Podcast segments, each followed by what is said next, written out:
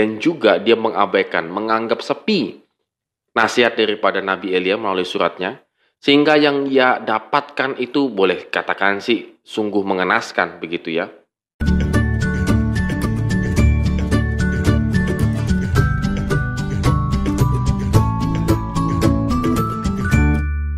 Morning Good Readers, hari ini kita kembali merenungkan firman Tuhan, tetap semangat dan optimis dalam kita melakukan kegiatan apa pun pada hari ini karena kita yakin Tuhan selalu menyertai kehidupan kita. Dan kita akan melanjutkan pembacaan kita dari 2 Tawarikh pasal 21 ayat 2 sampai dengan yang ke-20. Agak panjang sedikit tapi tidak apa-apa, tetap semangat untuk membaca begitu ya. Kalau kita perhatikan Raja Yoram itu sepertinya termasuk anggota ikatan suami takut istri, isti gitu ya, ikatan suami takut istri. Dan kita bisa melihat bagaimana kehidupan Raja Yoram yang jauh daripada Tuhan. Kenapa? Karena sangat dipengaruhi oleh istrinya. Ini bisa kita lihat dari catatan yang kita tadi baca, sangat dipengaruhi oleh keluarga istrinya. Padahal bapaknya Yosafat itu sangat boleh dibilang lah mengajarkan firman Tuhan dengan sungguh-sungguh bahkan memperlihatkan ketika mereka taat kepada firman Tuhan maka bapaknya Raja Yosafat itu sukses dalam memerintah bangsa Israel. Tetapi tidak demikian begitu ya. Eh, Yoram tidak me mengkopi bapaknya dengan sebaik-baiknya.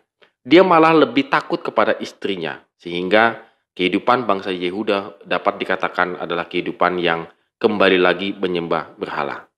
Ya, kalau kita perhatikan, uh, ada pesan Nabi Elia juga yang disampaikan kepada Yoram yang isinya memperingatkan dia supaya kembali kepada sikap para pendahulunya, yaitu Daud, Asa, dan Josafat. Peringatan itu dia anggap sepi. Wah ini repot ya kalau sudah dianggap sepi, satu peringatan dan nasihat, itu menjadi sebuah ya sudah selesai. Dia hanya membaca sebuah surat peringatan dari Nabi Elia, habis itu dianggap sepi oleh dia. Dan Joram tidak memperdulikan tentang nasihat yang akan mempengaruhi kehidupan Joram itu sendiri.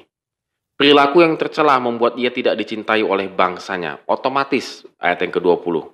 Pada masa pemerintahannya tidak terjadi kesejahteraan, melainkan malapetaka dan penderitaan lahir dan batin. Oleh karena itu orang Edom di ayat yang ke-6, Filistin dan Arab memberontak dan melepaskan diri dari kekuasaannya. Padahal dulu Yosafat setengah mati lah boleh bilang gitu ya, menguasai wilayah-wilayah sekitarnya dan akhirnya mereka melihat celah dan mereka lepas dari pemerintahan Joram.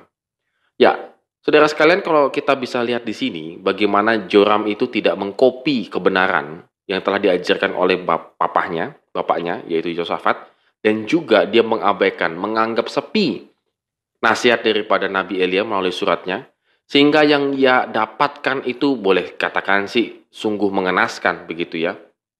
Dia sampai uh, kena penyakit usus, apakah ini penyakit yang disebabkan oleh kebiasaannya, uh, hidupnya tidak teratur dan seterusnya, tidak tahu memang, tetapi jelas sekali bahwa penyakit yang diberikan kepada Joram itu juga merupakan satu peringatan bagi Tuhan oleh Tuhan kepada bangsa Yehuda itu sendiri. Bahwa ketika mereka hidupnya tidak sesuai dengan kebenaran firman Tuhan, maka sangat angkat mempengaruhi sampai ke dalam kesehatannya. Good readers, pada hari ini juga kita diberikan kesempatan yang sama. Bahwa ketika kita sudah mendengarkan nasihat-nasihat yang terbaik dalam kehidupan kita, apakah itu nasihat untuk hidup sehat, apakah itu nasihat untuk hidup taat kepada Tuhan, dan seterusnya, mari jangan kita anggap sepi peringatan-peringatan tersebut. Justru harus kita manfaatkan dengan sebaik-baiknya bahwa Tuhan masih memberikan kesempatan kepada kita, bahwa Tuhan masih mengasihi kita, sehingga hidup kita jauh daripada kejahatan dan hidup kita jauh daripada sakit penyakit karena kebiasaan-kebiasaan buruk itu. Oleh karena itu, Guridas, balik lagi, mari kita tetap memuliakan Tuhan sepanjang hidup kita. Amin. Have a nice day and God bless us.